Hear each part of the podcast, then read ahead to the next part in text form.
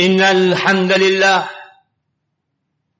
نحمده ونستعينه ونستغفره ونعوذ بالله من شرور أنفسنا وسيئات أعمالنا. من يهد الله فلا مضل له ومن يضلل فلا هادي له. وأشهد أن لا إله إلا الله وحده لا شريك له. وأشهد أن محمدا عبده ورسوله وحبيبه وخليله صلوات ربي وسلامه وبركاته عليه وعلى آله وأصحابه ومن اهتدى بهداه إلى يوم الدين. أما بعد فيا عباد الله اوصيكم ونفسي بتقوى الله فقد فاز المتقون قال الله تبارك وتعالى يا ايها الذين امنوا اتقوا الله حق تقاته ولا تموتن الا وانتم مسلمون Wahai orang-orang yang beriman. Wahai manusia-manusia yang beriman. Kita semua merasa beriman. Maka kita termasuk dalam panggilan Allah. Apa sih yang Allah pinta dari kita? Allah minta agar kita bertakwa kepada Allah dengan sebenar-benarnya takwa. Ya sering kita mendapatkan nasihat untuk bertakwa, bertakwa, tapi apakah kita sudah bertakwa? Apa standar orang yang bertakwa? Apakah tatkala dia memakai baju koko, memakai sarung, memakai peci, membaca Al-Quranul Karim, lalu dikatakan fulan bertakwa? Laksanakan perintah Allah Jauhi larangan. Syukuri nikmatnya. Ingat dan jangan lupakan Allah. Wala tamutunna illa wa antum muslimun. Jangan mati kalian kecuali dalam kondisi Islam. Jamaah rahmakumullah. Lahir dalam kondisi Islam itu anugerah Allah yang sangat agung yang kita tidak memintanya dan Allah memberikannya kepada kita tapi mati dalam kondisi Islam. Itu pilihan. Perjuangan. Dan tentunya tidak luput dari taufik Allah Azza wa Jalla untuk kita. Ahibati billah. 1442 tahun yang lalu. Orang-orang musyrikin datang kepada Nabi alaihi salatu wassalam. Meminta agar diturunkan azab kepada mereka. Karena selama ini yang mereka dapatkan adalah cerita tentang akan terjadinya kiamat, bumi ini akan hancur, akan ada neraka. Mereka menantang, datangkan itu azab. Dan di masa sekarang kita mendapati manusia-manusia yang mengaku muslim tapi nggak jauh beda sikapnya. Tatkala berbincang tentang LGBT, berbincang tentang homoseksual, sebuah penyimpangan yang harus diperbaiki. Dan tatkala dibacakan kepada mereka tentang kisah Nabi Lut, lalu muncul ungkapan, mana azab Allah? Mana? Bukankah sudah banyak sekarang orang-orang yang melakukan tindakan seperti kaumnya Nabi Lut tapi nggak diadab sama Allah Azza wa Jalla.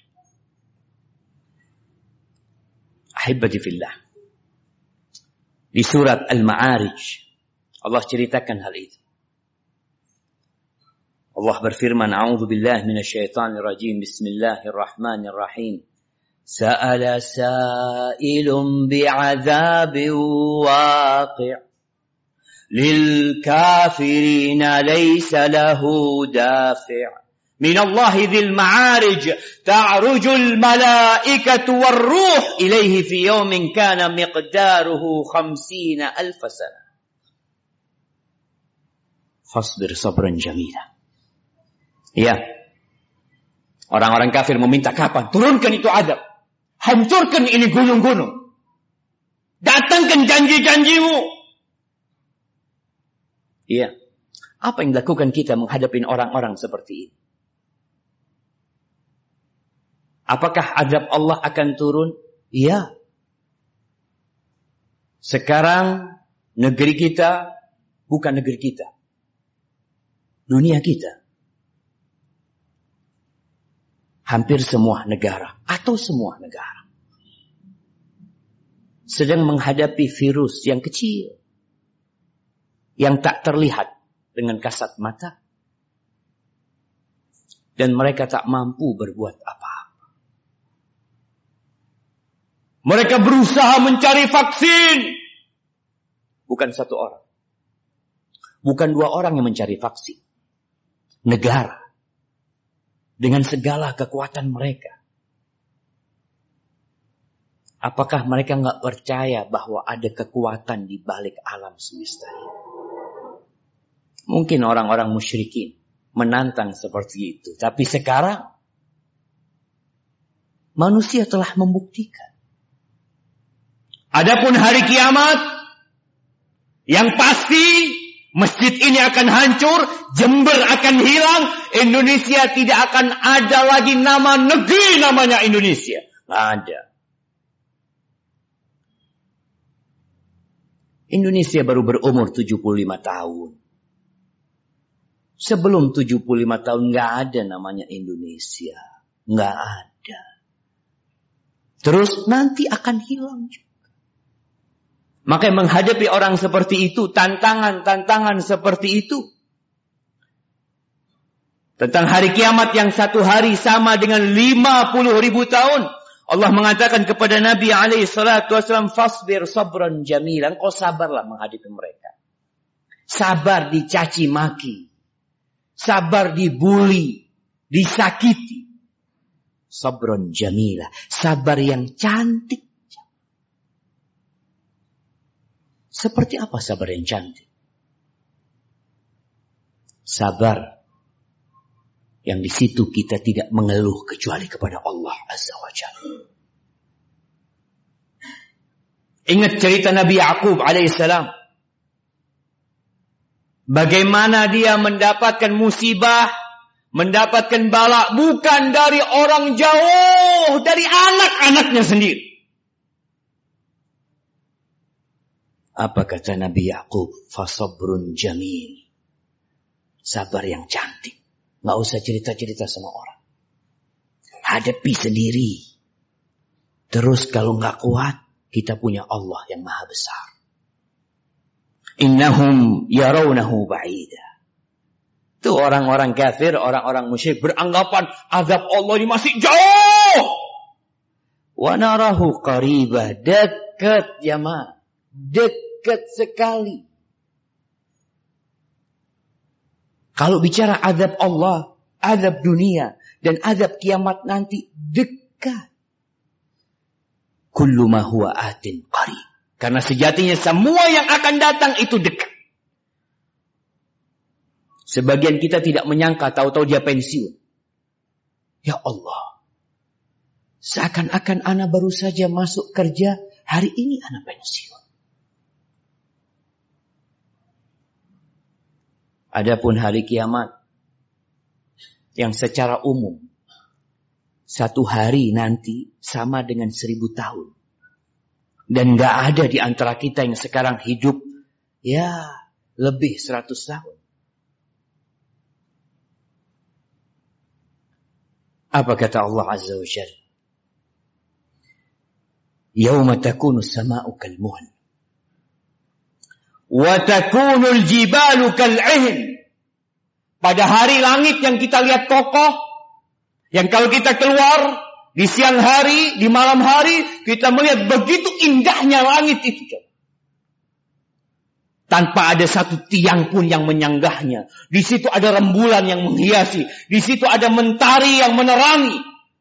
Bintang-bintang membuat indah di malam hari nanti akan menjadi seperti tembaga yang meleleh jamaah. Gunung. Kita lihat ada Argopuro. di utara sana. Kita lihat di timur ada Gunung Raung. Nah, bagaimana kisah gunung itu? Akan menjadi debu yang berterbangan. Kalau gunung aja hancur. Bagaimana dengan masjid kita? Semua akan menghilang. Wala yas'alu hamimun hamima. يبصرونهم يود المجرم لو يفتدي من عذاب يومئذ ببنيه وصاحبته وأخيه وفصيلته التي تؤويه ومن في الأرض جميعا ثم ينجيه Pada hari itu teman gak akan tanya tentang kawan. Jangan kawan bapak sama anaknya. Ketika ditampakkan itu hari orang-orang pelaku dosa yang mungkin hari ini selamat dari jeratan hukum. Yang mungkin hari ini dengan kesyirikannya, dengan kebolimannya, dengan kebrutalannya, dia hidup nyaman, di rumah yang enak. Tapi pada hari itu, mereka ini untuk menebus diri mereka. Bukan dengan harta, coba. Kita lihat di negeri kita dan di negeri lainnya mungkin bagaimana permainan hukum. Kisah Joko Chandra mungkin yang melibatkan banyak orang, eh ternyata memang hukum bisa dibeli. Ya. Kau punya uang? Bisa. Bisa keluar dari penjara, ya Allah. Yang di dalam penjara bisa jalan-jalan. Apalagi yang masih belum masuk penjara. Yang penting kau punya uang. Tapi hari itu engkau mau membawa sepenuh bumi ini emas. Nggak diterima. Kok nggak diterima Ustaz? Engkau harus paham. Bumi dan isinya ini tidak lebih dari satu sayap nyamuk. Gimana mau diterima? Tapi kita memandang dunia ini begitu indahnya. Enggak, jangan. Maka ketika harta tidak diterima sebagai tebusan, sekarang nebus, bisa nebus orang keluar penjara, bisa. Ada jaminan keluar, ya. Tapi hari itu hartamu nggak berguna. Oke, anak-anakku. Bayangkan orang tua kepingin anaknya jadi pengganti dia di neraka. Nggak diterima. Istriku masukkan juga tidak diterima. Saudara-saudaraku nggak diterima. Semua penduduk bumi ini nggak diterima. Kita nggak kebayang dengan azab Allah Subhanahu wa taala. Sebagian kita meremehkan neraka. Antum bisa bayangin azab yang paling parah di dunia ini. Mana penjara yang paling menakutkan? Di Indonesia mungkin Nusa Kambangan. Bayangkan.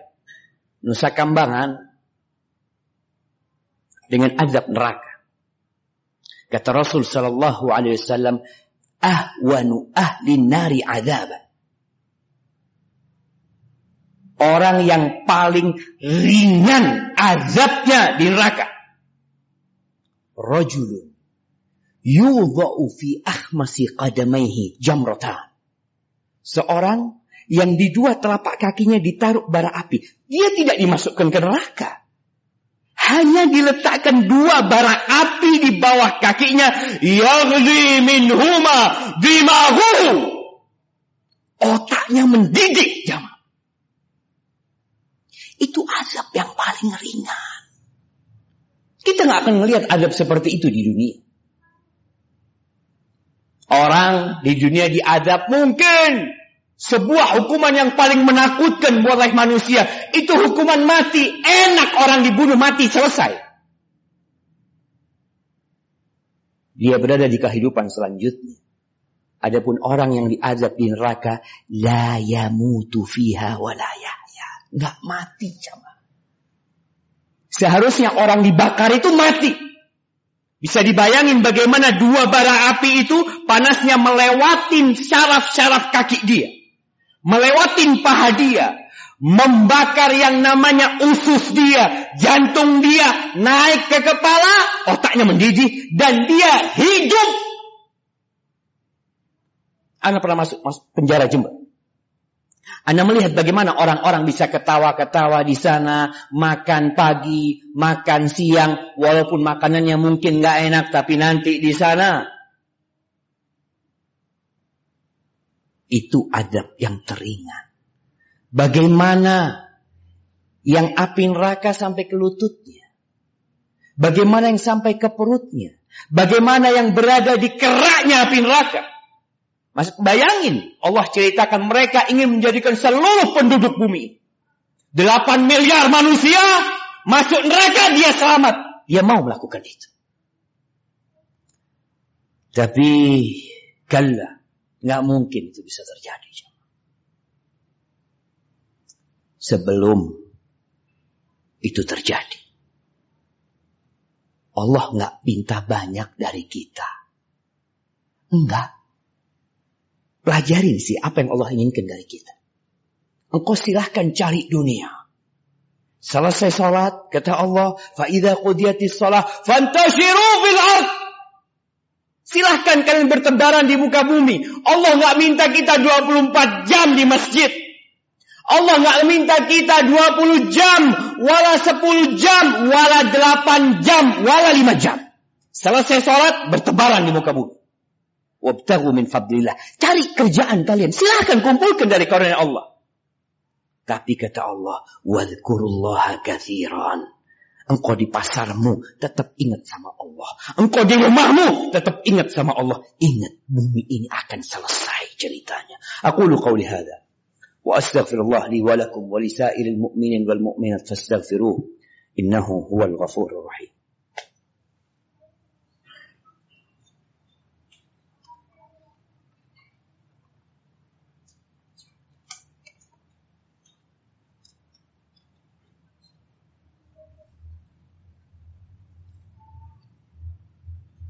الحمد لله والصلاة والسلام على رسول الله وعلى آله وأصحابه ومن والاه أما بعد Allah mengatakan kalla innaha ladha nazza'atan lishawa tad'u man adbara wa tawalla wa jama'a fa'awa ingat api neraka itu benar-benar membara. Dia membakar. Dia dapat mengelupaskan kulit kepala. Ada sebuah riwayat Taus, seorang tabi'in. Anak-anaknya cerita, Abah itu punya rumah yang pintunya ada dua. Belakang dari pasar, yang luar dari jalan. Abah kalau sudah lewat yang dari pasar itu, biasanya malam nggak tidur. Anak-anaknya bingung, kenapa? Ada apa? Abah kalau lewat pasar mesti malamnya nggak bisa tidur. Diselidiki sama anaknya, ternyata di jalan masuk rumah abahnya dari pasar itu ada warung kepala kambing bakar. Dibolak-balik kepala kambing bakar. Itu ayahnya bertanya, gimana kalau kepala anak yang dibakar di sana? Jamaah. Rasul sallallahu alaihi wasallam mengatakan ittaqun nar walau bisyiqqi tamra. Kalian selamatkan diri kalian.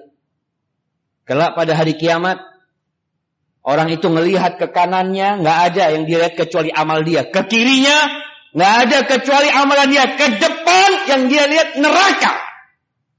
Semua kita akan lewat neraka. Semua para nabi pun akan melewati neraka. Gimana dengan kita-kita? Maka ingatlah dengan dahsyatnya azab Allah SWT. Buat siapa azab ini? Tad'u man adbara wa tawalla. Neraka itu akan memanggil-manggil orang yang berpaling dari ajaran Islam yang berpaling dari panggilan Allah Subhanahu wa taala, yang nggak peduli sama agamanya. Sebelum tidur yang dia pikirkan adalah hari esok apa yang dia makan. Hari esok dia mau kerja apa. Dia lupa bahwa di antara doa mau tidur itu Allahumma kini azabak yauma tab'atsu ibadak. Ya Allah selamatkan aku dari azabmu pada hari yang kau membangkitkan. Membangkitkan hamba-hambamu. Itu doa dibaca Nabi sebelum tidur. Tapi ada orang yang dalam benak dia hanya dunia. Dunia. Anak dia, usaha dia. Jemaah kita hidup di dunia, kita perlu ongkos, kita perlu biaya. Tapi jangan sampai itu menjadi target dan tujuan hidup kita. Kata Allah, Wajama'a fa'au'a. Kerjanya ngumpulin fulus. Ditumpuk tuh fulus. Buat apa kau numpuk fulus? Ada satu orang kaya punya uang 4 triliun. Masih punya usaha yang nilainya mungkin 4 triliun. Buat apa? Bukankah buat membangun rumah di surga? Bukankah seharusnya engkau memiliki istana yang luas di surga Allah SWT? Kalau engkau kumpulkan di sini, akan jadi apa? Kata Allah, Innal insan khuliqa halwa. Manusia diciptakan penuh dengan keluh kesah. Pelit manusia. Idza massahu syarru jazua wa idza massahu khairu manuma. Kalau ditimpa musibah kayak sekarang Tokonya sepi. Usahanya gagal. Ada banyak petaka yang menimpa dia. Corona datang. Kita bicara kita, kita bicara penduduk negeri kita. Apa yang terjadi dengan mereka? Jazua, marah-marah sama Allah. Tidak terima dengan takdir Allah. Merasa tidak pantas mendapatkan musibah ini. Engkau siapa? Apa yang sudah kau lakukan buat umat? Apa yang sedang kau perbuat untuk Allah Azza wa Jal? Lalu merasa kau tidak pantas mendapatkan adab? Mendapatkan ujian? Ada orang yang seperti itu. Itu karakteristik manusia yang harus kita rubah. Kalau dapat fulus nggak cerita sama orang. Dia simpan, tidak berbagi. Illal musallin. Kecuali orang-orang yang sholat. Kecuali orang-orang yang jalan di atas rel agama ini. Lanjutkan ayat ini. Baca setelah sholat nanti. Apa sih yang Allah inginkan dari kita? Supaya kita tidak menjadi orang-orang yang diancam neraka. Alhamdulillah. Hari ini hari Jumat. Harinya bersolawat buat Nabi alaihi salatu wassalam. Perbanyak solawat buat Nabi. Dialah yang menjadi perantara kita jadi kenal sama Allah subhanahu wa ta'ala. Inna allaha wa malaikatahu yusalluna ala nabi. Ya ayyuhalladzina amanu sallu alaihi wa sallimu taslima. Allahumma salli wa sallim وزد وبارك وعنعم على سيدنا ومولانا محمد. اللهم اغفر للمؤمنين والمؤمنات والمسلمين والمسلمات الأحياء منهم والأموات. إنك سميع قريب مجيب الدعوات. اللهم إنا ظلمنا أنفسنا وإن لم تغفر لنا وترحمنا لنكونن من الخاسرين. اللهم ادفع عنا البلاء والوباء والغلاء والزلازل والفتن.